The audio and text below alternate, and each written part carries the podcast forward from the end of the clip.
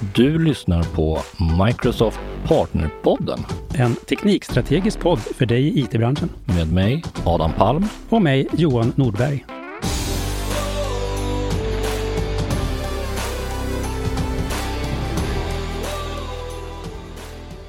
Hallå allesammans och varmt välkomna tillbaka. Johan, eh, hur mår du då? Jag mår, jag mår bra, Adam. Hur mår du? Ja, ja jag mår bra. Jag mår bra. Ja. Du, eh, vi har en gäst med oss idag. Eh, Niklas Sundberg. Eh, och vi ska prata lite om hållbar IT idag. Niklas, eh, hej och varmt välkommen till Partypodden. Kan du inte be- beskriva dig själv lite kort? Vem du är och vad du gör? Tack så mycket. Superhärligt att, att vara här och se fram emot eh, den här timmen fram, framöver. Eh, Niklas Sundberg heter jag. Jag är Chief Digital Officer på Kühnenagel det globala transport och logistikföretaget. Eh, baserad i Hamburg. Eh, innan dess så var jag på Assa Abloy som CIO och eh, jobbat mycket med digitalisering, förändring från hur man flyttar en fysisk nyckel till en digital identitet som egentligen kan, kan öppna upp allting. Och även under min tid på, på Assa Abloy så eh, föddes idén kring, kring min bok Sustainable IT Playbook for, for Technology Leaders att eh, hjälpa eh, teknikledare ute att utveckla mer hållbar strategi för hur man exekverar eh, en hållbar IT-infrastruktur. Kul. Grymt. Varmt välkommen hit. Tack så mycket. Och du, du har ju även skrivit en bok om hur man faktiskt gör hållbara IT-lösningar. Och tidigare så har ju vi pratat ganska mycket hållbarhet ur, liksom, ur ett rent tekniskt perspektiv. Hur, hur bygger jag faktiskt saker? Men din bok tar en liten annan infallsvinkel på hållbar IT. IT. Kan du berätta lite grann om vad, vad, vad boken heter framför allt, men också så här, vad, vad innehåller den och, och vad gör den mer unik liksom för affärsfolk snarare än technördar som mig? Och kanske lite drivkraften om va- va- varför du skrev boken. Absolut. Om vi börjar med, med drivkraften och, och boken heter Sustainable IT Playbook for Technology Leaders. Um, så hela min ambition med eh, att skriva boken var att få ut ett budskap som jag kände inte riktigt fanns där ute. Det fanns otroligt mycket bra information. Eh, väldigt många thought leaders inom mjukvaruutveckling, inom hur man jobbar med cloud, datacenter. Eh, hur man ställer krav på sina leverantörer och så vidare. Hur man kan optimera olika typer av eh, delar inom sin verksamhet. Men det som jag såg saknades var, var att det saknades en, en holistisk eh, övergripande bok. En, en typ av eh, guide eller playbook för, för hur man approcherar det här. Vilka områden är viktiga att dyka ner i. Men, men också sen slutligen hur Ehm, kan du etablera en, en färdriktning för det här? Hur kan du etablera en, en, en baseline, ett, ett, ett riktmärke eh, för var man står här och nu? Hur mycket CO2 släpper man ut? Hur mycket energi konsumerar man? Och hur kan man också den, eh, konvertera det här till en, en färdplan som också ligger i linje med, med företagets färdplan när det gäller eh, hållbarhetsmål eh, och så vidare. Och där så det som är fantastiskt med, med, med IT och tech det är ju att vi jobbar ju oftast på globala problem. Eh, och jag har alltid jobbat nästan i, i globala företag. Så att allting man gör har ju en, en global impact. Eh, och det var det som jag också såg så otroligt fascinerande när man verkligen har gjort sin egen baseline. Man förstår eh, vilka typer av spakar som man kan dra på för att eh, skapa ett, ett starkt och bra momentum i organisationen.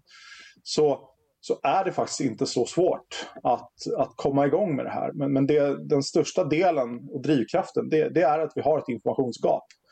Eh, bland teknikledare eh, på alla led skulle jag säga.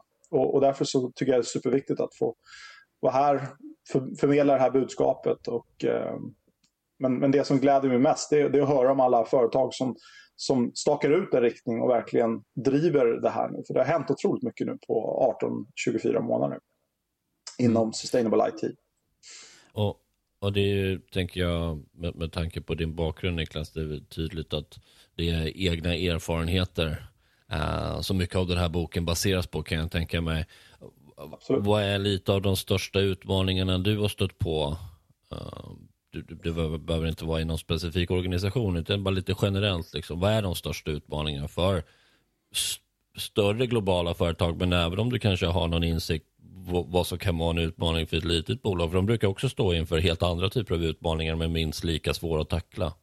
Ja, absolut. Ja, men det som är viktigt att ha med sig är att alla företag är unika. Man har en unik startpunkt helt enkelt. Men om man utgår från ett, ett globalt företag till att börja med så, så är det ju ofta så att, att det är ju, man lever alltid i en, någon form av hybridvärld.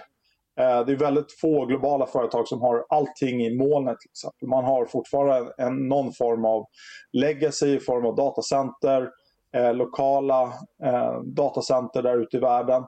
Eh, såklart finns det en otrolig optimeringsmöjlighet att, att rationalisera hårdvaror, rationalisera applikationer. Det är ju någonting som Enterprise-arkitekter behöver göra i alla fall.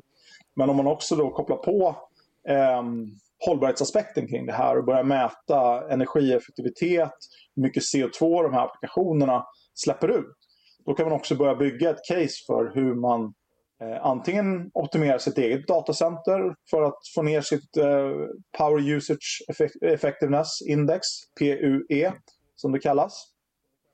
Eller att man jobbar med en cloudleverantör som också hävdar att de har låga eh, PUE-värden någonstans 1,08 till, till 1,2.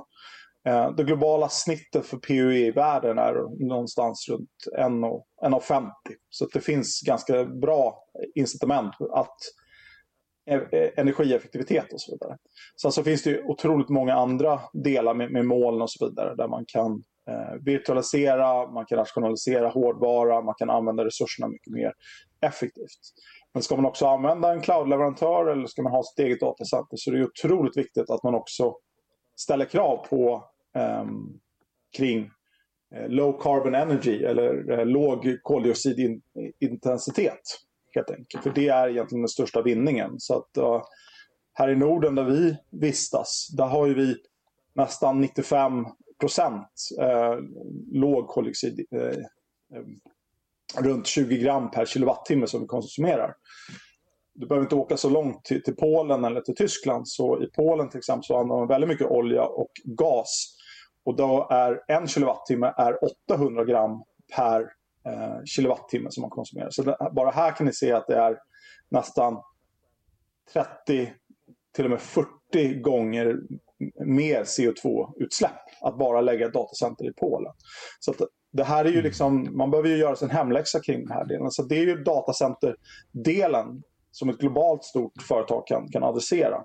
Sen det gemensamma som även gäller för, för mindre företag, det är ju också liksom den hårdvara som man köper. Allt ifrån eh, mobiltelefoner, eh, laptops, eh, datorer, servrar och så vidare.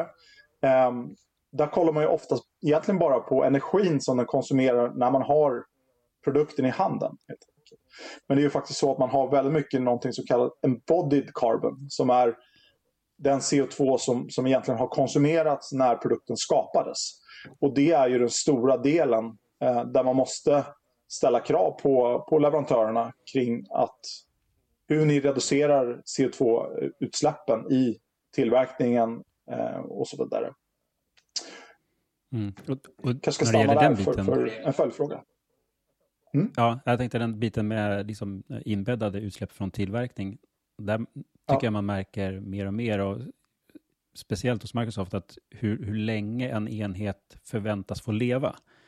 Där har ja. ju vi gått från att man fick byta dator var tredje år. Nu har vi, jag kommer inte ihåg hur länge vi har ökat det, men åtminstone fyra eller kanske till och med fem år. Samma sak med mobiltelefoner, att de lever längre. Mm. Uh, och det där blir ju också superviktigt när man har tusentals servrar, kan de få leva lite längre så har man sparat ganska mycket per enhet av arbete när de faktiskt körs där. Um, Absolut. Tänkte även på en annan grej. Vi, vi pratade nyligen med, ehm, med Tess Ferrandes. Hon har hjälpt eh, vindkraftsbolaget Vestas med att göra riktigt stora simuleringar. Eh, de mm. pratar liksom 400 000 kärnor som används för att göra beräkningar. Mm. Eh, och en, en av sakerna de tittade väldigt mycket på där. Hur kan jag liksom location-skifta det här jobbet? Och bara en sån sak som att flytta från, från Amsterdam till Sverige gjorde att de sparade... Kommer du ihåg Adam vad det var? Alltså det var ju nästan...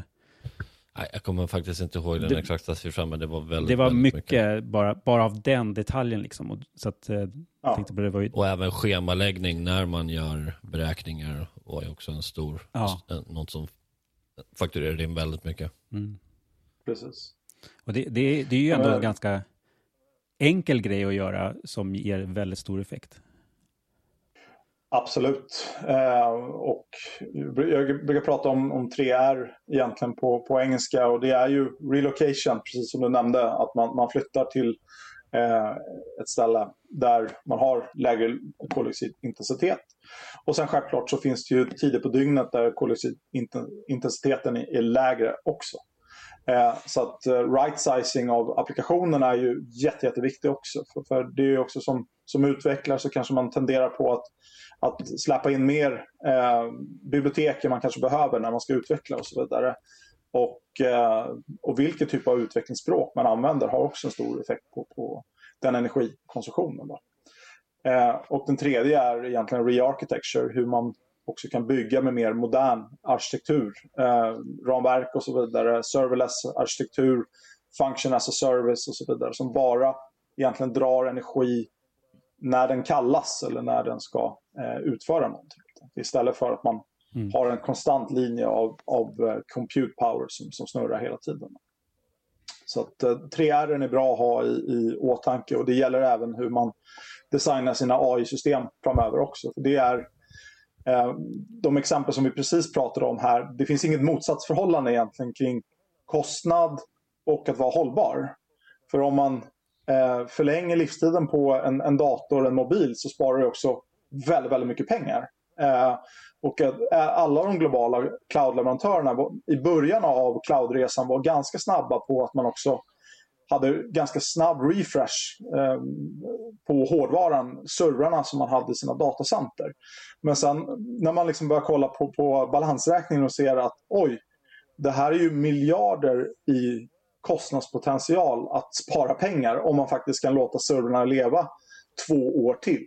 till exempel. Så jag tror att när man började mm de flesta cloudleverantörerna så var, så var livscykeln tre, tre år. Eh, väldigt, väldigt korta livscykel. Och nu så, så har nästan alla cloud-leverantörer i alla fall försöker att hålla fem eh, år. Om inte hårdvaran verkligen bryter ner och den inte går att, att reparera. Så att här finns det ju ett, ett väldigt tydligt eh, förhållande som, som, som går hand i hand med, med hållbarhet och kostnadsreducering. Den, den utmaning som jag ser framåt det är ju faktiskt AI och hållbarhet. Eh, där eh, bara vi ser det senaste året med, med eh, ChatGPT, OpenAI eh, och så vidare att konsumtionen har ju exploderat. Eh, och bara göra en sökning på ChatGPT istället för eh, en annan sökmotor är ungefär 100 gånger mer eh, CO2-utsläpp eh, än, än en traditionell sökning. Um, och självklart så är det så att företag vill optimera sin business, man vill automatisera mer, eh, men man kanske inte riktigt har eh, tänkt på hur eh, de här large language models, eh, hur de påverkar eh, utsläpp, energikonsumtion, vatten och så vidare. Ja, det är ju galna mängder infrastruktur. Eh, för det är precis som du säger, det krävs otroligt mycket kompileringskraft för, för, för de här modellerna. Um, Ja, och där, och där Ja, tycker jag ja. att vi som utvecklare har ju ett äckligt stort ansvar med att man kanske inte behöver använda GPT-4 för saker som faktiskt inte kräver den modellen. Man kan hitta den minsta modellen som faktiskt löser problemet. Och då också använda mindre energi. Men det är inte lite så också att, eh, generellt som utvecklare, man vill alltid ha det bästa liksom. Man vill ha, man, förut ville man ha feta servrar, man, alltså, det är så här. Ja, och, och alltså, jag- där kan jag ju... Men det är ett jag, jag mindset som gilla, förändras också i och för sig. jag kan gilla cloud-idén där med att du faktiskt, att, att göra någonting i onödan kostar plötsligt riktiga pengar. När man hade en, en egen fysisk server, ja visst, den kanske använde lite mer CPU under en tid när jag gjorde någonting dumt. Men det blev inte att någon blev förbannad på mig för att det plötsligt blir jättemycket dyrare. Det var redan kanske. Jag kan gilla den liksom, idén om att behöver du verkligen det här? För det här kommer att kosta dig x antal tusen kronor i månaden. Är det, är det verkligen ja. så viktigt? Eh, Niklas, jag har en, en fundering. Eh, ditt mm. intresse för, liksom, eh, för hållbar, var det, var det liksom en, en KPI? Var det någonting som kom från, från ledningsgruppen eh, eller, eller som ni tillsammans i ledningsgruppen? Eller var det, eh, har det funnits ett intresse för, för hållbarhet? Lever du som du lär? Jag har alltid haft ett stort eh, intresse för, för hållbarhet. Um, när jag var yngre så bodde jag i USA till exempel. Och um, det var ganska nyttig lärdom också att, att förstå att här i Sverige så har vi ju en, ett, ett, eh, ett skyddsnät, vi har ett social eh, infrastruktur runt omkring oss. Vi betalar lite mer skatt för det. Men vi har också tillgång till sjukvård. Skulle vi bli arbetslösa och så vidare så, så finns det i alla fall någonting som, som kan hålla upp oss och man hamnar inte på gatan helt enkelt. I USA så, han, så finns inte riktigt det typ av eh, skyddsnätet från, från staten och där krävs det ju mer att man har starka communities, att man har mycket mer starkare socialt engagemang eh, i USA. Eh, väldigt mycket fundraising och så vidare för att kunna, mot cancer eller vad det nu är. Ehm, eh, food stamps och så vidare. Så att det var liksom en del av sociala kontraktet när man bodde i USA. Att man behöver engagera sig i den community man lever. Man behöver göra så. Jag hade också fördelen av att professionella ishockeyspelare. Och, och speciellt när man har en, en, en publikroll så, så, så, förväntades det att man skulle också besöka sjukhus, man skulle engagera sig i olika typer av sociala projekt. Så, så att jag har alltid haft med mig den, den sociala komponenten i det. Ehm, um, miljöaspekten har kommit lite mer på senare år och, och, speciellt när jag fick barn faktiskt. Att man inser att um, man har möjlighet att, att vara med och påverka eh, I och med att vi jobbar med stora globala problem inom, inom techvärlden så, så kan man liksom, det vi gör kan också ha en väldigt stor genomslagskraft. Eh, och jag tror att det är superviktigt att man också säkerställa att vi lämnar planeten i ett bättre eh, tillstånd än vi faktiskt eh, lämnade den. För, för våra barn kommer växa upp, deras barn kommer växa upp. Eh, och annars så är vi verkligen på, på en negativ eh, utveckling här om vi inte löser det här i närmsta 10-20 åren fram till 2050.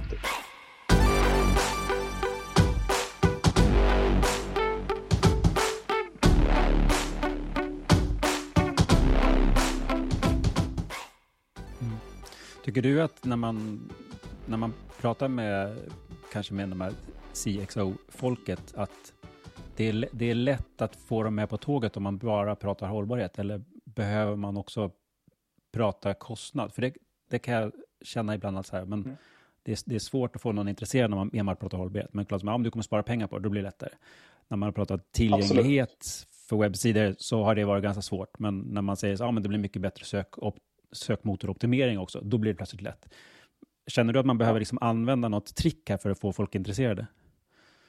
Nej, men jag tror, precis som vi nämnde, precis, jag tror man måste koppla ihop till, till, till, till pengar också, absolut. Så att man också visar liksom, potentialen kring de här delarna. Sen den, den, viktigaste delen som jag tror att man ska ta med sig, det är ju eh, det vi har pratat väldigt mycket med hittills är ju sustainability in IT. Vad kan vi göra som, som teknikledare för att optimera den, håll, den infrastruktur som, som vi eh, råder över.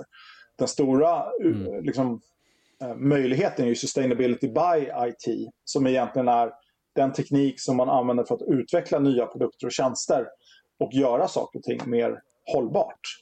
Um, någonting som jag är, är väldigt eh, fascinerad och um, tycker är supercoolt um, inom Kunnenagel där jag jobbar, det är att vi kan erbjuda uh, våra kunder en väldigt transparent CO2-mätning kring alla deras transporter och så vidare. Och vi kan ner på skeppnivå tala om att det här skeppet kommer släppa ut så här mycket CO2 om du skeppar med dem till, till skillnad mot det skeppet och så vidare. Så då börjar man verkligen ge verktyg för att kunna optimera sin supply chain på, på en global nivå. För vi pratar också stora flöden av, av varor som, som flyttas från Shanghai till Los Angeles eller från Shanghai till Hamburg eller Rotterdam och så vidare. Så här har man ju verkligen en, en, möjlighet att vara med och påverka på, på en global nivå. Och transportsektorn står ju för eh, 17 procent av världens utsläpp också. Så det är ju klart att det, det finns en, en väldigt, väldigt stor eh, möjlighet att vara med och, och ställa om det här. Eh, och, och, det tycker jag man ser väldigt positiva tendenser till till exempel.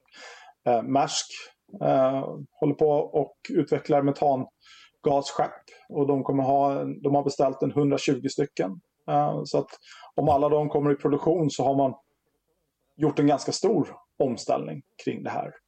Ehm, jag tror att kriget i Ukraina, eh, energikrisen vi haft i, Europa har också gjort att man har varit tvungen att tänka om både sin säkerhetspolitik men också eh, hur man tänker kring säkerhet kring energiförsörjning också. Eh, och där ser man ju bara under de närmsta eh, två åren att det har skett en explosion av förnybar energi. Eh, vi pratade om det här med koldioxidintensiteten tidigare att den kommer ju ner ganska dramatiskt. Så till exempel i England som hade väldigt hög koldioxidintensitet för några år sedan. De har byggt ut otroligt mycket vindkraft och havsbaserad vindkraft. Och bara i Skottland så är det eh, vissa dagar 100% förnybar energi. Och det här är någonting som har hänt på, på, på bara ett par år.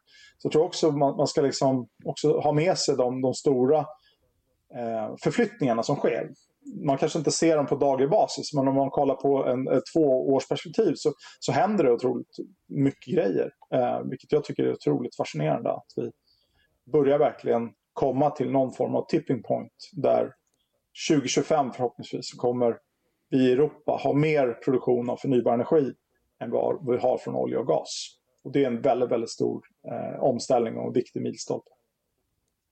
Mm. Och, där, och jag tänk, tänkte även säga, som pris per watt för solceller har ju, det är ju typ en hundradel av vad det var för bara liksom 10-15 år sedan. Och det känns som att mm. nu börjar vi hamna i samma läge med stora batterilager också. Vilket ju verkligen kommer kunna ersätta speciellt kol och olje, peaker plants, så man faktiskt kan använda den förnybara energin när solen inte lyser och när vinden inte blåser. Mm. Och även tycker man ser mer och mer också, i synnerhet i solcellsfrågan, att man faktiskt börjar kunna eh, återvinna dem. Att kunna plocka isär dem och använda alla de här faktiska metallerna som man inte då behöver plocka upp i jorden, utan man har dem redan förfinade. Och det är ju samma sak med batterier också. Så det känns som att även den biten har börjat hinna ikapp utvecklingen. Mm. Ja, absolut. Är, eh, är logistikbranschen, eh, är de liksom är man lite extra under lupp uh, när man jobbar i, i logistik. För att som du säger, de, de, de bidrar redan till ganska mycket utsläpp så då blir liksom optimeringarna man kan göra. För jag menar så här, core business det är att flytta saker från A till B. Ja. Det kommer, det kommer vara, alltså det, det, är svårt att optimera den just nu jätte, jättemycket så då tänker jag att det blir alla andra saker runt omkring blir ännu viktigare. Märker du liksom att kraven är större där du är idag kontra positioner du har haft tidigare där man kanske inte har haft samma avtryck? Eh, nej, men jag skulle säga att, att eh, kravet var lika mycket på, på Assa Abloy. Eh, det är ändå st fjärde största börsbolaget på, på, på Stockholmsbörsen. Så ett väldigt stort globalt företag. Eh, men, men där kanske man har lite mer indirekt eh, CO2 som man släpper ut i och med att man har, kanske köper komponenter, stål eh, och så vidare som, som, som är i, i sin indirekt eh, utsläpp. Här, precis som du säger, så, så, är det ju, man kan ju påverka väldigt, väldigt mycket mer hur man kan styra om rutter, hur man kan göra dem mer hållbara och så vidare. Eh, men, men det är också viktigt att ha med sig att det är ju det är flera industrier eh, som behöver gå i takt, om man säger. Eh, vi kan sätta en plan för hur vi eh, vill flytta hela vår flotta av lastbilar till, till elektriska till 2030.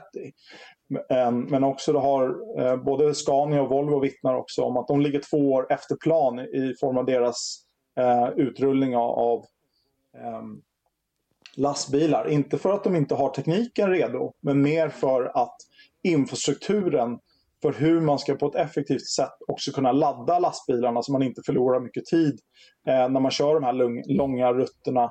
Och man kanske inte behöver stoppa var, var tredje, var femte timme för, för, att, eh, för att ladda. Så att det är ju det är flera rörliga delar här som, som behöver eh, gå i, i takt med varandra. Så att jag tror att generellt så så sker förflyttningen tillsammans och det finns en, en väldigt stark kraft att alla vill bli mer hållbara och, vi ska eh, fasa ut fossila bränslen i, i våra transportmetoder.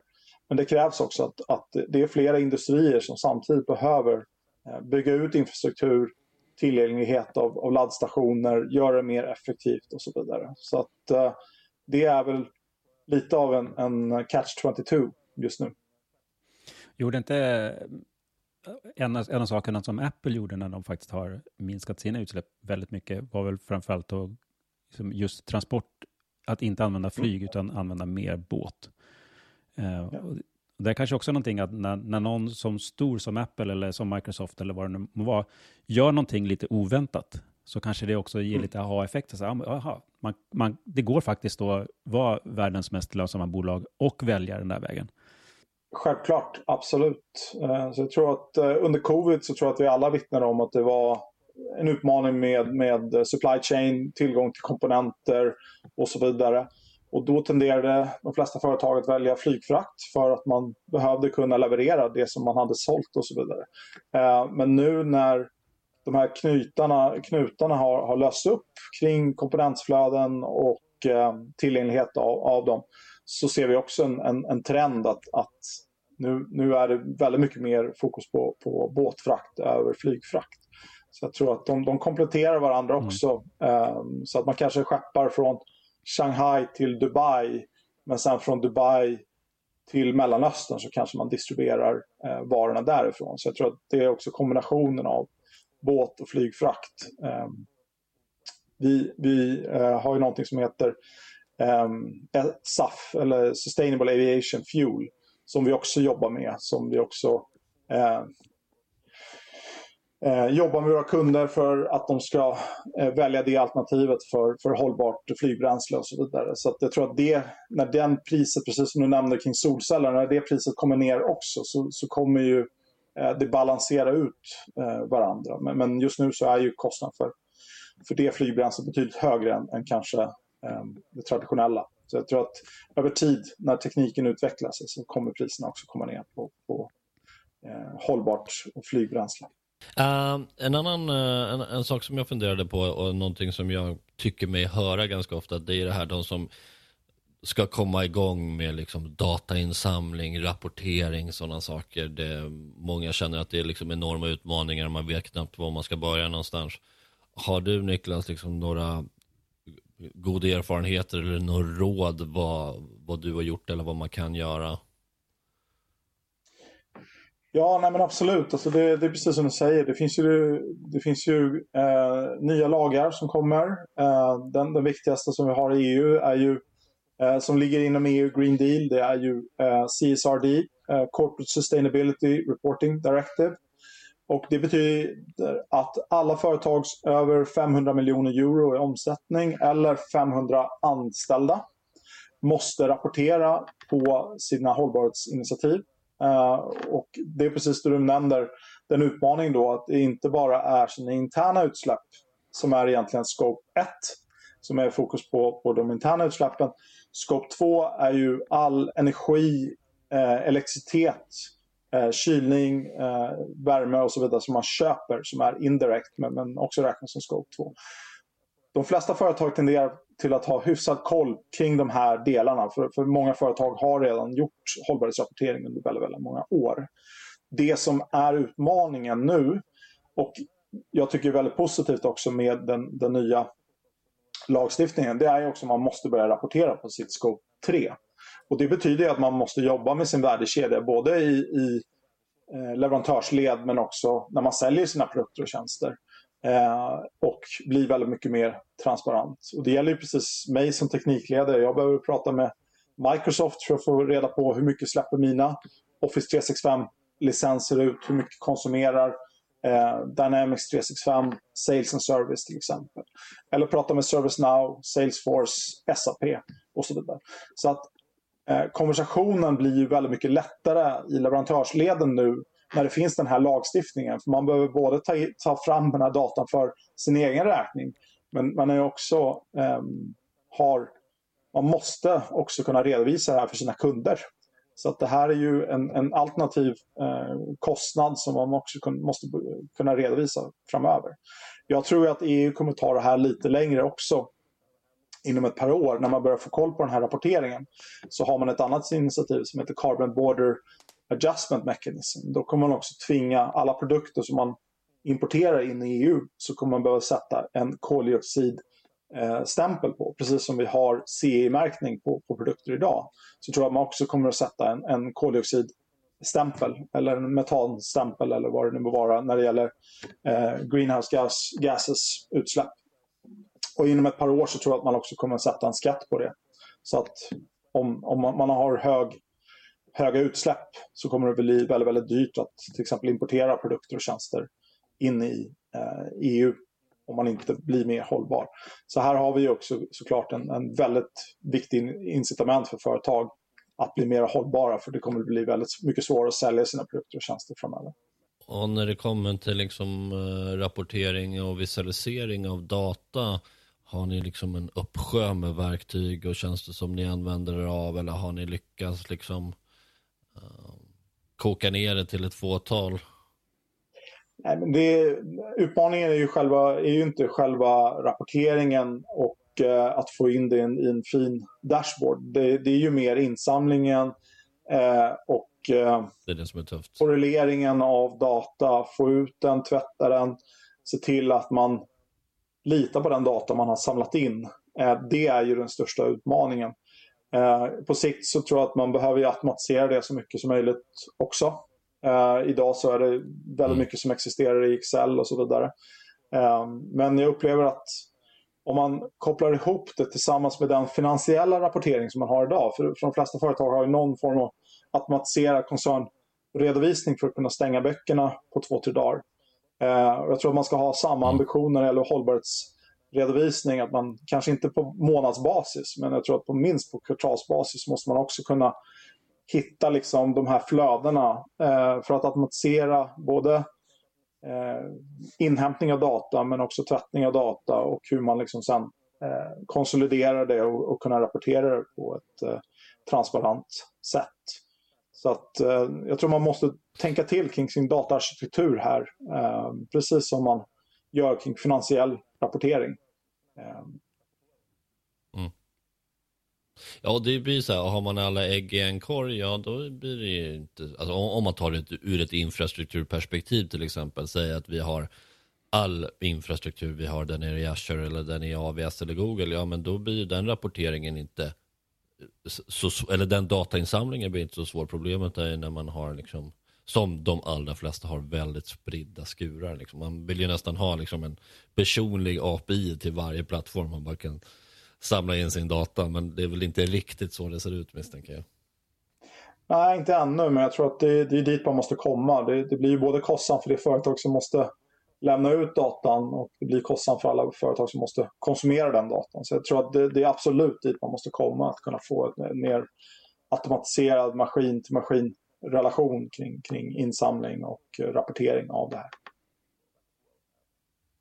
Här måste man ju också liksom vara beredd att ställa ganska höga krav på sina leverantörer.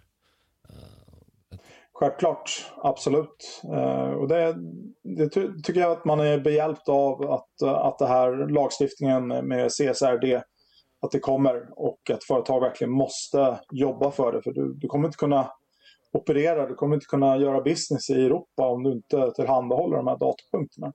Jag tror inte att det kommer att vara perfekt från dag ett.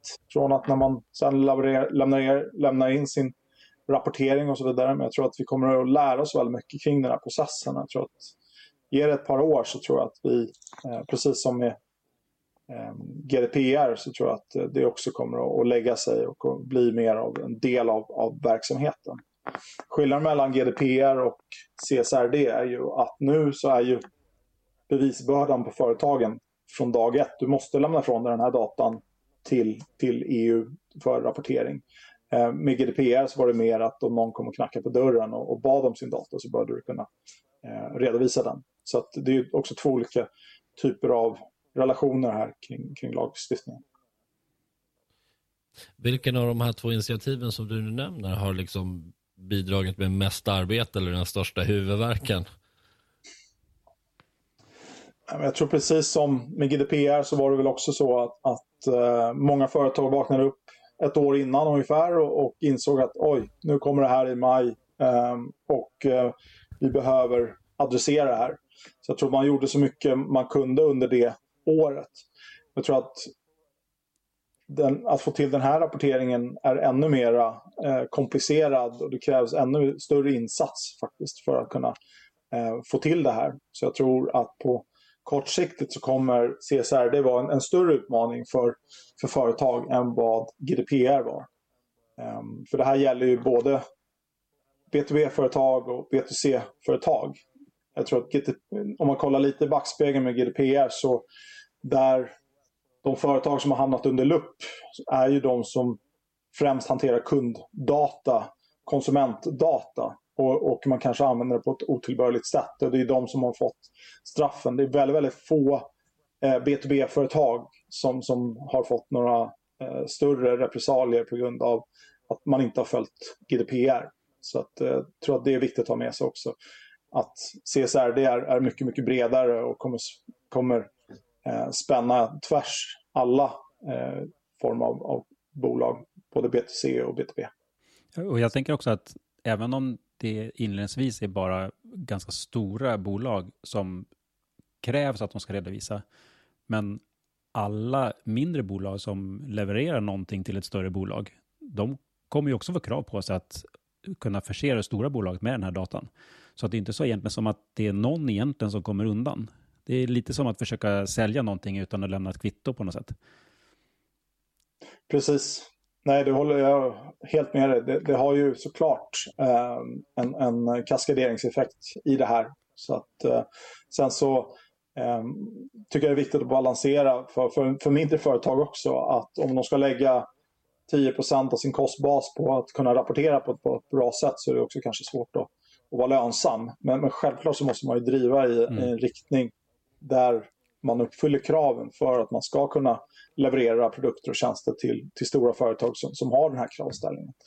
Eh, och det ser man ju också när man kollar i eh, Supplier Code of Conduct till exempel hos många stora globala företag. Att det ställs mycket, mycket, mycket högre krav både på eh, miljöaspekterna men också den sociala aspekten eh, kring hur man tillverkar, att man har schyssta arbetsvillkor, att man inte använder farliga ämnen i produkterna eller i själva fabrikerna och så vidare. Så att eh, självklart är det så. Är det stor, eh, kanske svårt att svara på, eh, och eh, för, ni får ursäkta min tyska, är, eh, är det Köne, Köne, säger man så? Kude, Köne? Kunnenagel. Kunnenagel. Ja, uh, och kontra till exempel um, uh, Assa, uh, svenskt kontra tyskt. Är det stor kulturell skillnad när det kommer till hållbarhetsfrågan eller är vi ungefär på samma, samma sida där? Jag skulle säga att vi är på samma sida. Um, vi, uh, vi sitter i samma båt kring de här frågorna. Jag har, jag har inte upplevt någon stor kulturell uh, skillnad. Vi, vi, har fyra hörnstenar i vår strategi kring eh, uh, kundupplevelse, vårt digitala ekosystem, vårt marknadspotential men också living ESG. Så det, det, är vår, en av våra fyra hörnstenar i vår 2026 strategi. Så att eh, för mig var det också viktigt, för man pratar om, om syfte och, och vill jobba för ett företag som, som också gör rätt saker och bra saker för, för planeten, så, så var det också en viktig komponent för mig att jobba för ett företag som, som också tar det här på allra största allvar Eh, kring ja, hållbarhet och eh, sustainability. Vad, eh, vi ska börja runda av här snart Niklas, men har du några sådana här eh, topp top tre, topp fem tips, eh, saker att tänka på, lite som vi varit inne på, försöka använda liksom försöka använda klienter eller mobiltelefoner ett år, två år extra, försök ha längre livstid på era servrar eller vad det kan tänkas vara. Har du några sådana sådana goda tips? Absolut. Nej, men jag skulle säga att det, det, det absolut viktigaste att börja med för att sen kunna staka ut sin färdriktning det är att förstå eh, sin startpunkt. Att räkna ut sin baseline kring eh, hur mycket släpper jag ut inom IT idag. Hur ser det ut med på cloud och datacenter? Hur ser det ut när det gäller hårdvaran som man konsumerar? Hur mycket energi konsumerar vi i våra datacenter, på våra kontor? Hur duktiga är vi på att, att skapa en, en cirkulär eh, loop när vi lämnar ifrån oss den, den eh, utrustning som sedan är end of life eller end of use eh, för att sen förhoppningsvis jobba med en partner som sen kan se till att man inte jobba med, med recycling men att man istället kanske eh, kan byta ut några komponenter men sen skapa ett nytt liv för, för en, en, en telefon eller en, en dator och så vidare. Um, och skapar man sin baseline så kan man också ganska enkelt förstå de tre till fyra, kanske fem initiativ som kommer göra störst impact på 80% av ditt utsläpp beroende på din eh, miljö eller din eh, businesskontext eh, helt enkelt. Och efter det så kan man börja simulera eh, och staka ut en färdriktning för hur man följer det övergripande hållbarhetsmålen för, för det företag man jobbar med men, men också kanske skapa andra möjligheter för hur man kan accelerera det. Eh, för det tror jag också eh, finns eh, all möjlighet att göra. Till exempel har man datacenter i Polen så kanske man ska fundera på om, om man kan kapa sin koldioxidintensitet genom att flytta det till, till någon annanstans där koldioxidintensiteten är 20 eller 30 gram till exempel. Eh, och då pratar vi inte bara om halvering, då pratar vi om en effekt på, på 20-30 gånger, till och med 40 i vissa avseenden. Så skapa en baseline, förstå var eh, startpunkten är. Identifiera de 3, 4, 5 initiativ som, som ger störst värde, som kommer ge 80% av, av effekten på din baseline. Och sen börja exekvera på det, börja jobba med det här. Det krävs inte en, en tre och fem års strategi för det. Eh, det här är saker som man kan börja jobba med imorgon. Och det var otroligt viktigt för mig när jag skrev boken också, att, att verkligen understryka det. Att det här är saker vi gör här och nu för att kunna eh, nå våra 2030, våra 2040, våra 2050 mål för planetens bästa. Det är lite gamla talesättet med att you, you can't improve what you can't measure. Precis, absolut. Uh, fantastiskt. Uh, stort tack Niklas. Det har varit superintressant att ha dig med här i podden. Uh, vi uppmanar alla som inte har läst Niklas bok att göra det. Vi lämnar en länk i subscription som vanligt. Uh, Niklas, vi önskar dig stort lycka till uh, och till alla som lyssnat idag. Stort tack. Du har lyssnat på Microsoft Partnerpodden, en podd om Microsoft Sverige med mig Adam Palm och mig Johan Nordberg. Som vanligt hittar du länkar och resurser på aka.ms partnerpodden. Maila oss gärna på partnerpodden at microsoft.com.